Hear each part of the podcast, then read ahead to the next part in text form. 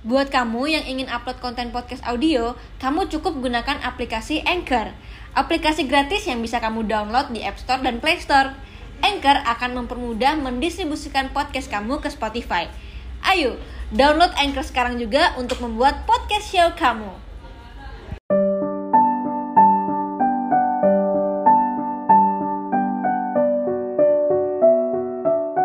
Saya Lorian, umur saya 21 tahun dan saya berasal dari Jogja. Berawal dari cerita saya yang viral di TikTok dan juga Twitter, uh, saya ingin menceritakan lebih lanjut tentang hubungan gelap ayah saya dan tante. Sejak awal dikontak oleh Gerita Buka Praktek, ibu saya dan keluarga saya pun setuju untuk bercerita lebih lengkapnya di sini. Harapan saya jika ayah saya menonton video ini, uh, saya ingin berkumpul lagi dan berbicara dengan ayah lebih terbuka dan mengetahui apa sih perasaan ayah, luka ayah yang terpendam dari dulu kemauannya sampai bisa melakukan hal-hal seperti ini gitu. Karena tidak bisa dipungkiri ayah dan ibu akan selalu selamanya menjadi orang tua saya. Alright, halo guys, welcome back to Kita Buka Praktek. Hari ini aku kedatangan narasumber jauh-jauh dari Jogja. Ini aku dapatkan dari Twitter, uh, sebelumnya TikTok dan dia ke Twitter dan mungkin uh, warga Twitter atau TikTok mungkin pernah melihat uh, Lorian. Ya Lorian. Lorian kan bener kan? Hmm. Lorian. Nah cuman mungkin ceritanya mungkin ada yang kurang jelas atau ini ada langsung dari Loriannya. Belum pernah kan? Belum pernah. oke ini first time Lorian di sini. Kita akan uh, mendengarkan cerita dari Lorian. Jadi singkatnya Lorian uh, cerita di media sosialnya bahwa uh, ayahnya bersetubuh dengan tante ya kalau bisa dibilang ya oke uh, boleh nggak sih ceritain ulang gimana sih dari awal sampai sekarang awalnya itu perilaku ayah saya itu bukan cuman selingkuh ya, emang udah abusive parents suka mukulin ibu saya uh, dan juga berjudi, mabuk, lain sebagainya. Tapi uh, sisi dari selingkuhnya itu mulai waktu aku umur lima tahun.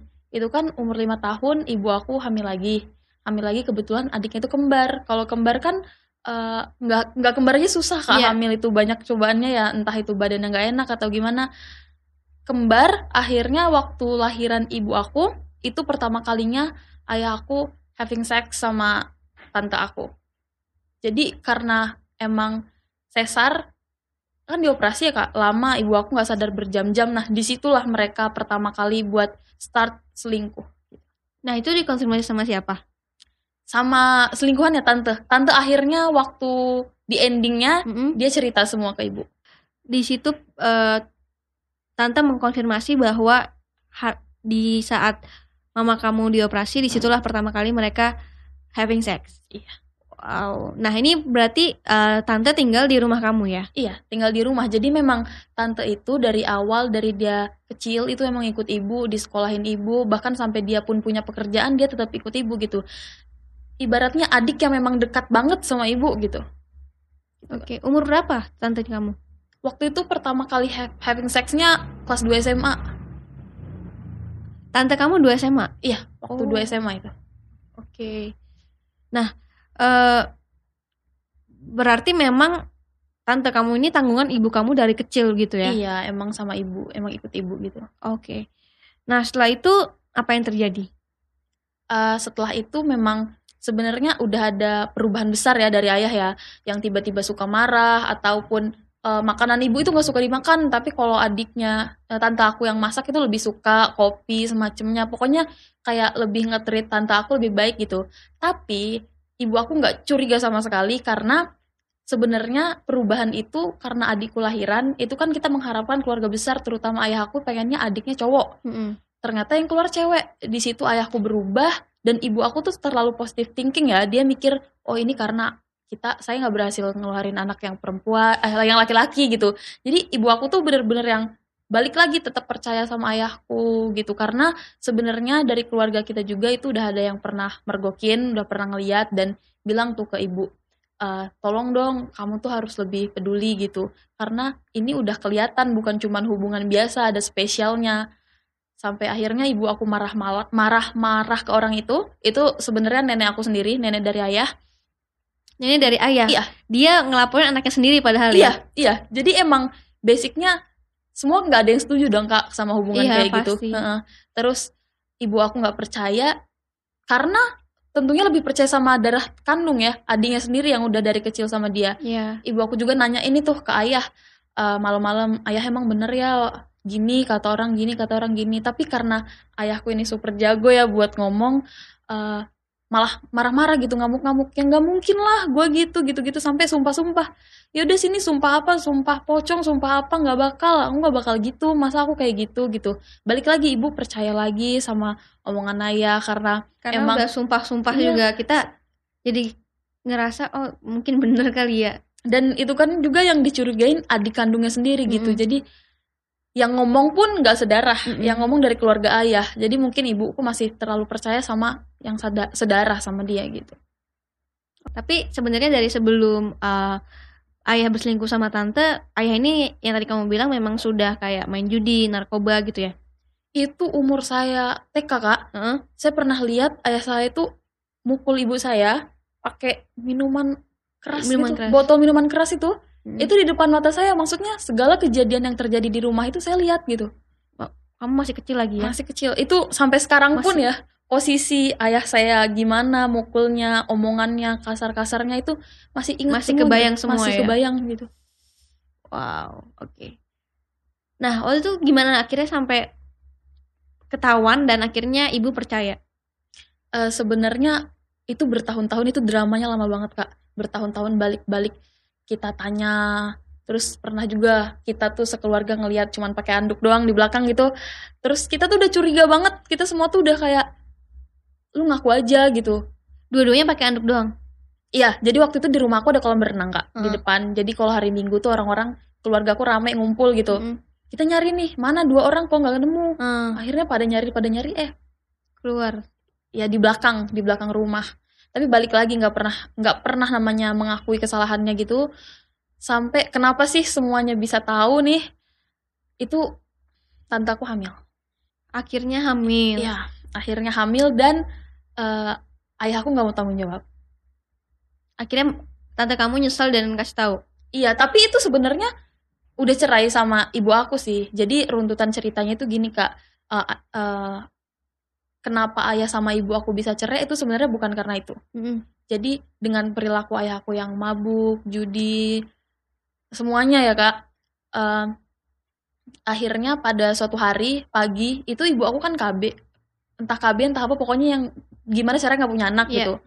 Eh, terus gitu terus ibu aku tuh akhirnya hamil dan ibu aku, ibu aku tuh Ibu kamu hamil lagi. iya ibu aku hamil lagi kan. Yang ke Yang ketiga, yang kedua itu anaknya kembar, kembar itu terus cewek hamil semua. lagi. Mm-mm Oke. hamil lagi itu aku di depan mata aku kak aku ingatnya eh, ibu aku bilang saya hamil bapak saya bilang di kok hamil nyusahin aja paling juga ntar keluarnya cewek lagi gitu nah di situlah udah Waduh. bener-bener pisah ranjang Iya.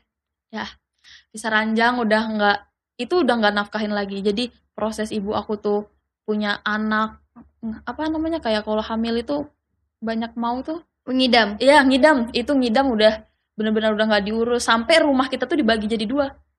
Jadi ini sisi ayah, Mm. ini sisi ibu. Wow. Oke. Di situ juga sam- sampai sempet yang paling ibu aku sedihin sampai sekarang. Waktu itu kan aku masih SD ya kak, belum ngerti apa-apa.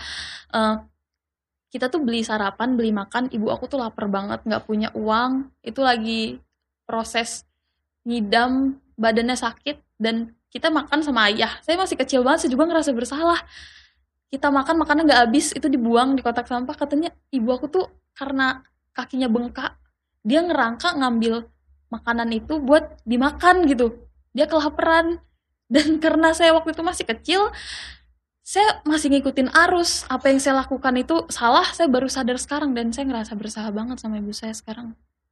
Setelah itu akhirnya proses bercerai. Iya, jadi selama ibaratnya kalau bisa dibilang ya kak, ayah saya itu tidak mengharapkan anak terakhir itu gitu.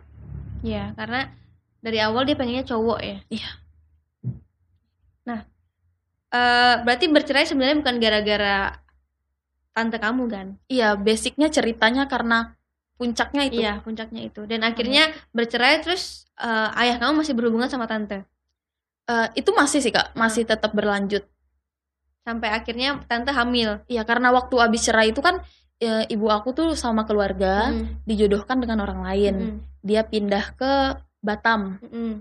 Di Batam itu hak asuhnya jadi dua kak. Eh, aku sama adik aku Hmm. berdua sama ayah. Aku ad- adik aku yang kedua. Mm. Terus dua lagi yang masih kecil banget Hmm. sama yang ketiga itu sama ibu aku. Mereka pindah ke Batam. Mm. Pas udah pindah di Batam, udah bahagia nih, udah hidup biasa. Kita juga di Lampung. Saya di, dari Lampung kak, itu tetap biasa. Akhirnya hamil itu si tante aku. Hmm. Si tante aku tuh nyari bingung. Ini bapaknya nggak ada. Terus dia juga sebenarnya tuh kena kekerasan dari ayah aku. Jadi ini jujur-jujuran aja kayak eh, ayah aku tuh juga kalau misalnya tante aku nggak mau itu bisa disiksa, dipukul. Di situlah ibu aku tuh kayak gimana ya adik sendiri ya. Akhirnya maafin dan adik aku nih, adik tante ini disuruh ke Batam, udah di Batam diurus. Itu katanya tuh kakinya tuh bengkak tiap pagi tuh diajak jalan-jalan sama ibu aku, diajak jalan pagi. Ibaratnya yang ngurus dia selama hamil tuh ibu aku.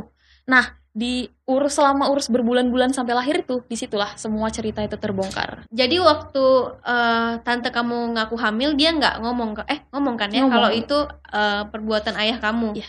Dia udah nelpon ngomong dan ibu aku Heeh. itu mencari bantuan ke mana pun biar ayah aku tanggung jawab gitu. Sebenarnya mungkin aku perlu jelasin dikit kak itu eh, waktu itu kan ibu aku minta bantuan dari orang-orang yang bisa ngomong ke dia lah. Eh, tapi dia punya rasa malu yang tinggi karena saat itu dia lagi jadi kepala desa gitu. Di saat orang-orang punya masalah itu ngadunya ke dia, tapi sebenarnya diri dia sendiri itu malu untuk melakukan eh, penyelesaian dalam masalahnya. Oh iya kak, ada kejadian lain lagi. Jadi waktu itu ayah sama ibu aku tuh berantem. Eh, akhirnya aku sama adik aku tuh dibawa ke rumah nenek. Mm-mm. Itu kita pergi ke rumah nenek. Di situ tante aku tuh bilang sama ibu aku, eh aku mau nasehatin eh, suami kamu biar akur-akur aja sama kamu. Bukan dinasehatin tapi malah nge-seks sama ayah aku. Nah dan itu tuh ada yang melihat yaitu almarhum dari eh, Ma Umi aku manggilnya. Bude aku.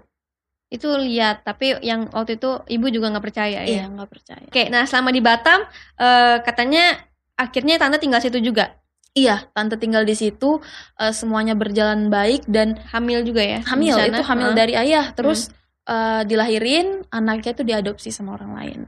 Tapi waktu selama hamil itu kak, eh, ibu aku kan punya anak tiri tuh. Mm-mm, Anak tirinya memang sudah dewasa lah, udah waktunya untuk menikah. mm-mm. Tinggal di sana di kamar, ibu aku tuh ngeliat kalau anak tiri ibu aku ini tidur bareng sama tante aku itu lagi.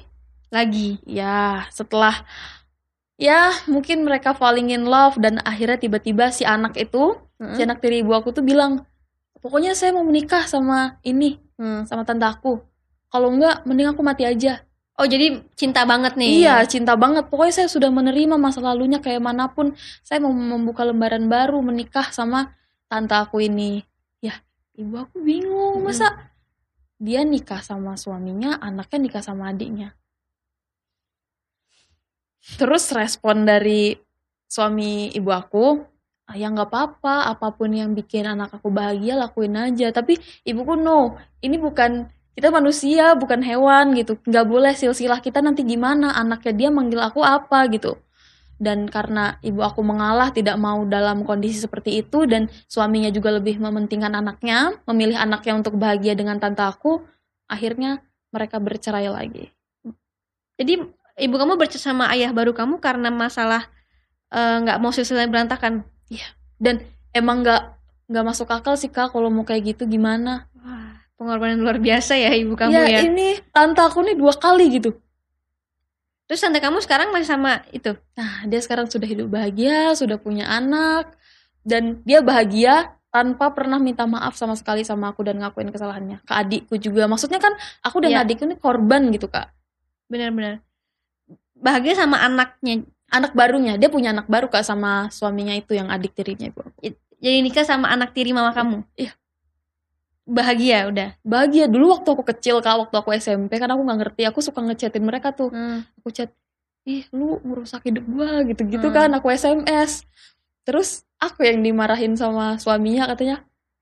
Jadi sempat dari situ aku ketahuan sama ayah aku. Terus aku yang dipukulin ayah aku karena kayak gitu. Tapi anak kecil ngerti apa sih Kak? Dulu emang pengen banget ngomongin ke tante aku gitu. Pengen ngeluarin isi Iya, hati. pengen ngomongin gitu. Wah. Jadi apa pun tindakanku tentang eh, perselingkuhan itu ayahku pasti bakal mukulin aku. Nah ini juga kak, adik aku itu suka ngeliat juga setiap adik aku nanya atau punya reaksi tertentu, itu juga bakal dimarah sama ayahku. Jadi seakan-akan ayahku tuh membuat kalau itu fitnah besar buat dia. Itu kayak jahat fitnah dia ngelakuin itu gitu.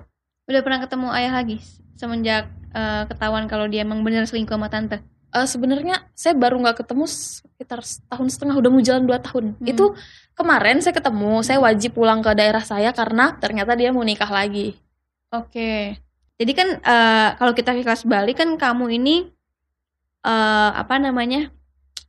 Ah kasusnya dibagi dua ya. Berarti kan adik kamu yang ke kedua sama ketiga ma- mama di Batam. Nah, waktu itu kamu sama ayah kamu sama adik kamu di eh, tempat asal. Nah, itu kamu sama ayah kamu gimana? itu sih oke oke aja kak ayahku ma- waktu itu ayahku masih jaya jayanya Heeh. dia banyak temen dia masih jadi kepala desa Eh, setelah itu tantaku tuh nggak ada di rumah. Tantaku udah pergi.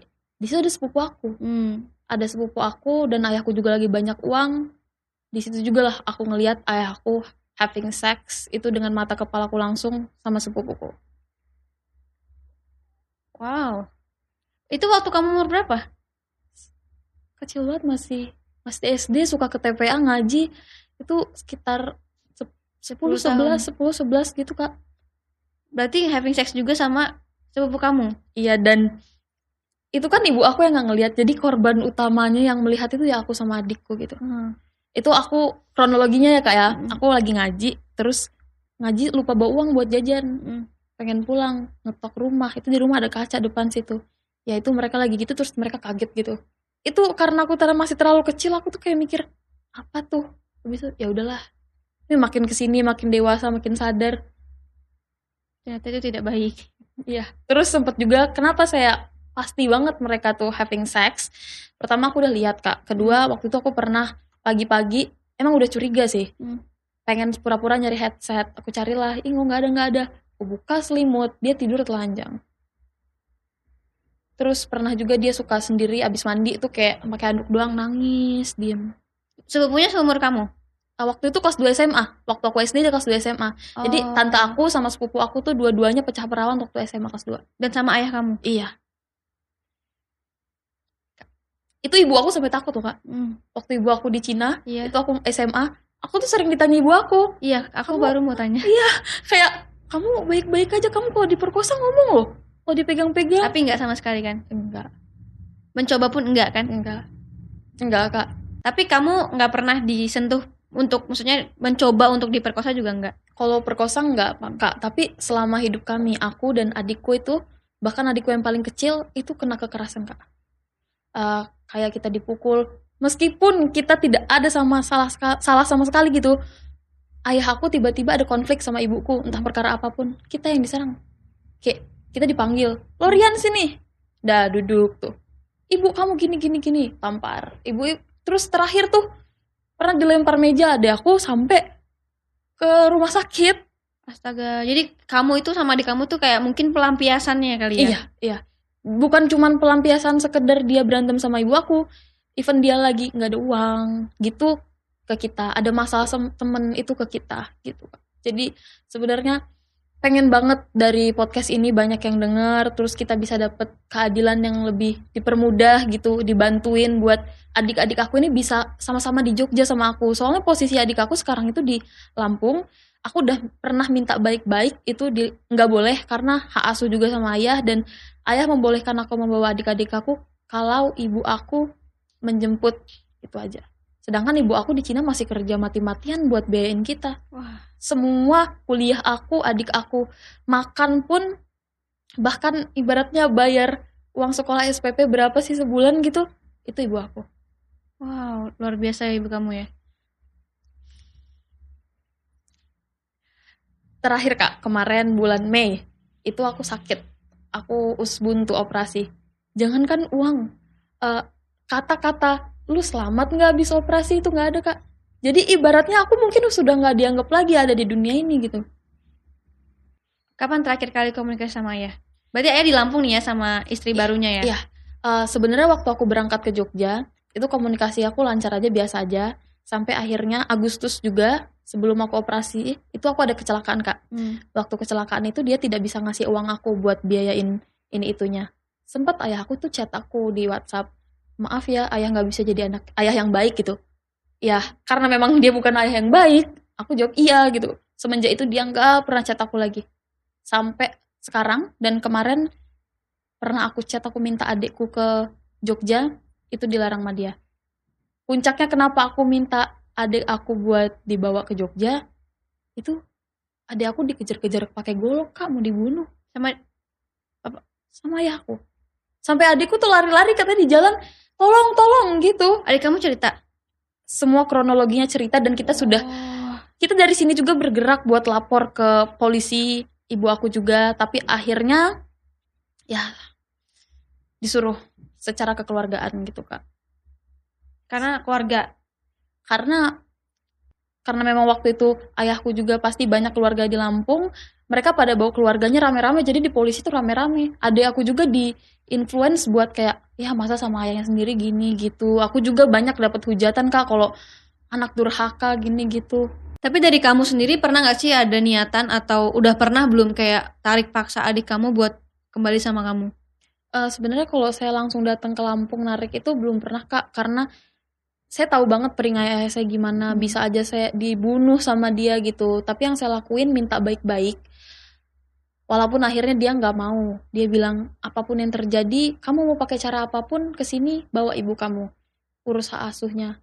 Terus saya bilang sama ayah saya ya udah ya saya bakal pakai cara apa pun biar adik saya bisa sama saya. Dia jawab oke udah. Itu terakhir banget kontekan itu saya chat duluan. Udah selama bertahun berapa tahun ini. Itu aku duluan yang chat minta adik aku itu doang. Tapi sama adik kamu kontaknya keep kontak. iya tiap hari. Wah.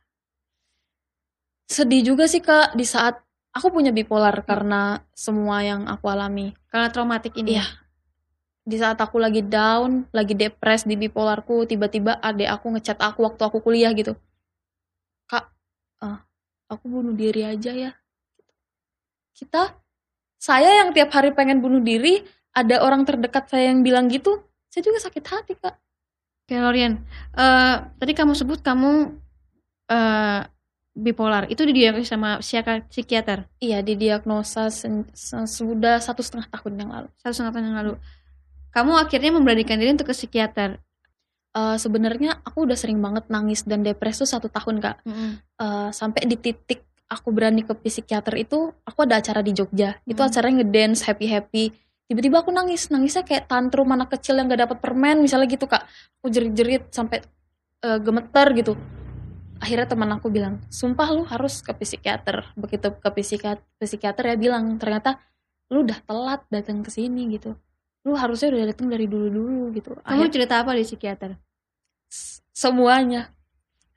Sampai sebenarnya psikolog psikiater sudah tahu kalau itu trauma masa lalu dan parahnya lagi eh, masalah aku tuh belum selesai sampai sekarang. Ayahku belum pernah ada rasa maaf. Jadi untuk healing itu kak masih ada pertanyaan-pertanyaan lah gitu. Jadi sempat waktu itu dapat obat yang dosisnya ternyata terlalu banyak aku pingsan gitu aku tidur belasan jam. Awal-awal tahu bipolar itu down banget lah nggak punya temen menutup diri dari lingkungan. Tapi akhirnya karena nggak mungkin gitu terus aku coba buat merangkul teman-teman yang sama-sama punya mental health akhirnya kita satuin kadang kita juga ngumpul cerita bikin acara gitu kak Ini kan mungkin kan banyak juga teman-teman yang mungkin kadang-kadang nangis tapi nggak tahu sebabnya. Nah mungkin mereka kan takut ke psikiater. Nah, at- eh, kamu begitu cari psikiater kamu langsung cocok atau enggak? Karena kan mungkin cocok-cocokan juga kan. enggak sih kak waktu pertama dapet itu kan cowok Mm-mm. dia juga sudah tua gitu udah biasa dengerin jadi saya begitu cerita ini sedih-sedihnya waktu itu saya lagi depres dikasih obat yang sangat berat gitu kak saya minumnya pingsan minumnya langsung tidur belasan jam akhirnya pindah pindah lagi pindah lagi sampai sekarang cocok sama dokter yang kebetulan bisa di cover sama kampus jadi awalnya dulu ibu saya nggak tahu biaya biayanya semua pakai uang jajan saya Mm. udah jujur karena orang tua ya mungkin tentang mental health apalagi bipolar apa Ada- sih Ada ada ini eh, apa namanya curiga gitu. eh, dia mikirnya malah bipolar itu sedihnya ini gila anak gue gangguan jiwa Iya. Heeh. Anak gue gangguan jiwa ibu aku sedih. Dan ini ini jadi ibu aku kan sedih ngelihat keadaan aku gini. Ibuku coba ngobrol ke ayahku karena gimana pun sumber utamanya ayahku. Kalau ayahku support minta maaf Iya. pasti aku bakal lebih baik. Ayah aku dikasih tahu anak kamu gini dia gini gini karena ini. Harusnya kamu lebih peduli. Itu ayah aku ngeblokir ibu aku. Jadi ibu aku tuh sebenarnya sangat support untuk mental health aku. Semua yang aku rasain tuh disampaikan ke ayahku. Bukan semata-mata ibu aku pengen tetap kontakan sama ayahku ya tapi demi kebaikan anaknya. Ayahku nggak pernah respon sampai ini pernah juga aku coba dilecehkan. Aku pernah dilecehkan sama sepupu aku dari ayah. Itu ibu aku marah besar. Ah, ibu aku ngasih tahu ke ayahku nih anak lu mau diperkosa lu diem aja gitu. Lu nggak ngelakuin apa-apa.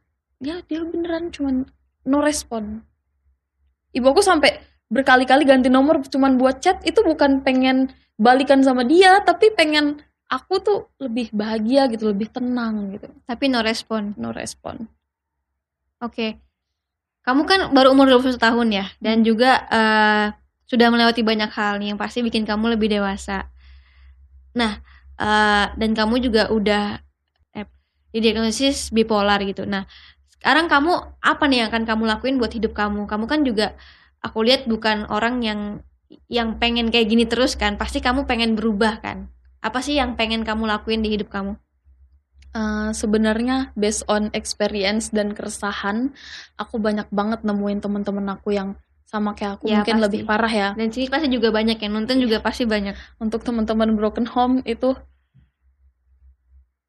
aku bikin kak. Aku bikin namanya your home. Hmm. itu buat teman-teman penyintas broken home.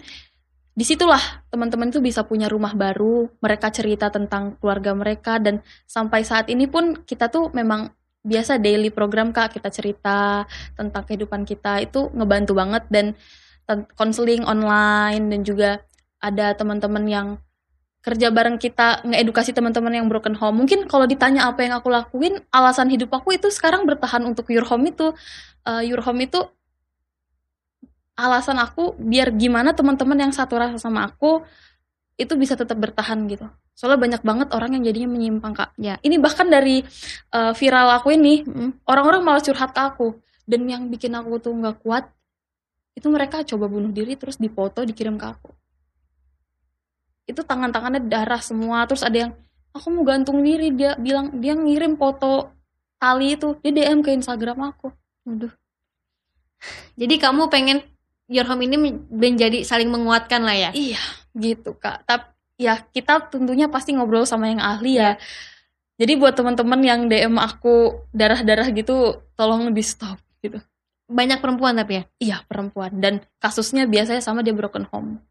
Oke, tapi eh walaupun kamu mungkin bel- belum sepenuhnya healing, tapi eh, aku yakin kamu udah mulai mencoba untuk itu, nggak terus-terusan dalam kondisi seperti itu ya. Iya. Dan ini juga mungkin pelajaran buat teman-teman, apalagi mungkin perempuan. Nah, biasanya kalau lagi kayak down gitu, eh, kita sebenarnya butuh yang namanya sig- significant others. Jadi eh di mana kamu punya nggak kayak temen atau keluarga atau siapa yang kamu pegang banget eh, buat kamu cerita ada sih kak ada dia itu benar-benar selalu ada buat aku gitu Nah juga kalau misalkan eh, teman-teman di rumah juga apalagi buat perempuan kalau misalkan ada kekerasan, pelecehan atau apa itu jangan takut dan jangan malu buat eh, speak up gitu. Jangan mau jangan apa ya, jangan pokoknya jangan takut ngerasa bakal di di disalahin atau diancam sama laki-lakinya gitu. Dan juga baret-baret tangan sayang ya. iya cantiknya nanti hilang tangannya Iya, iya. Nah ini juga ada eh, aplikasi Female in Action nih yang aku baru join juga, yang di mana perempuan-perempuan tuh bisa lapor, jadi ada konselornya gitu.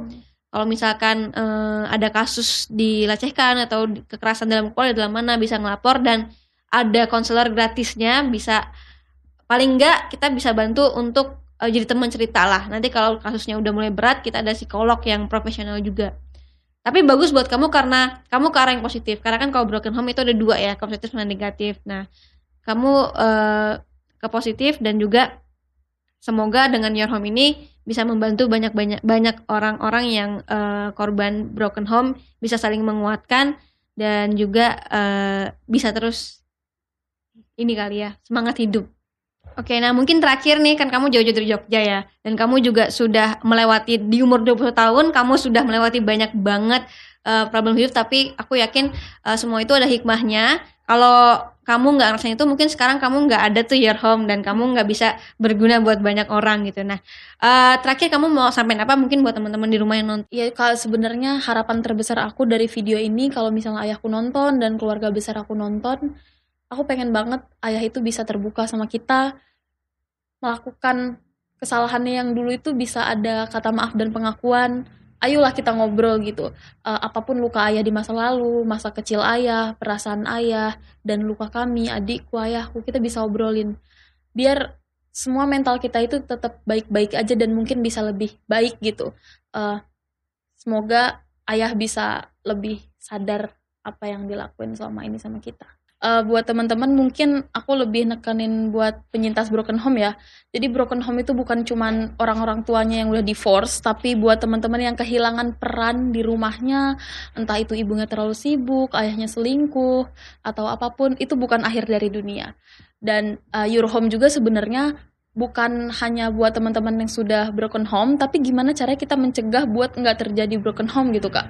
Uh, selain pencegahan, yaitu healing recovery setelah broken home. Jadi uh, buat teman-teman semua, meskipun rumahnya hancur, belum tentu masa depannya hancur. Yes. Banyak banget orang sukses itu karena broken home tetap bisa sukses gitu. Jadi tinggal pilih aja kalian tuh mau positif mau negatif gitu kan.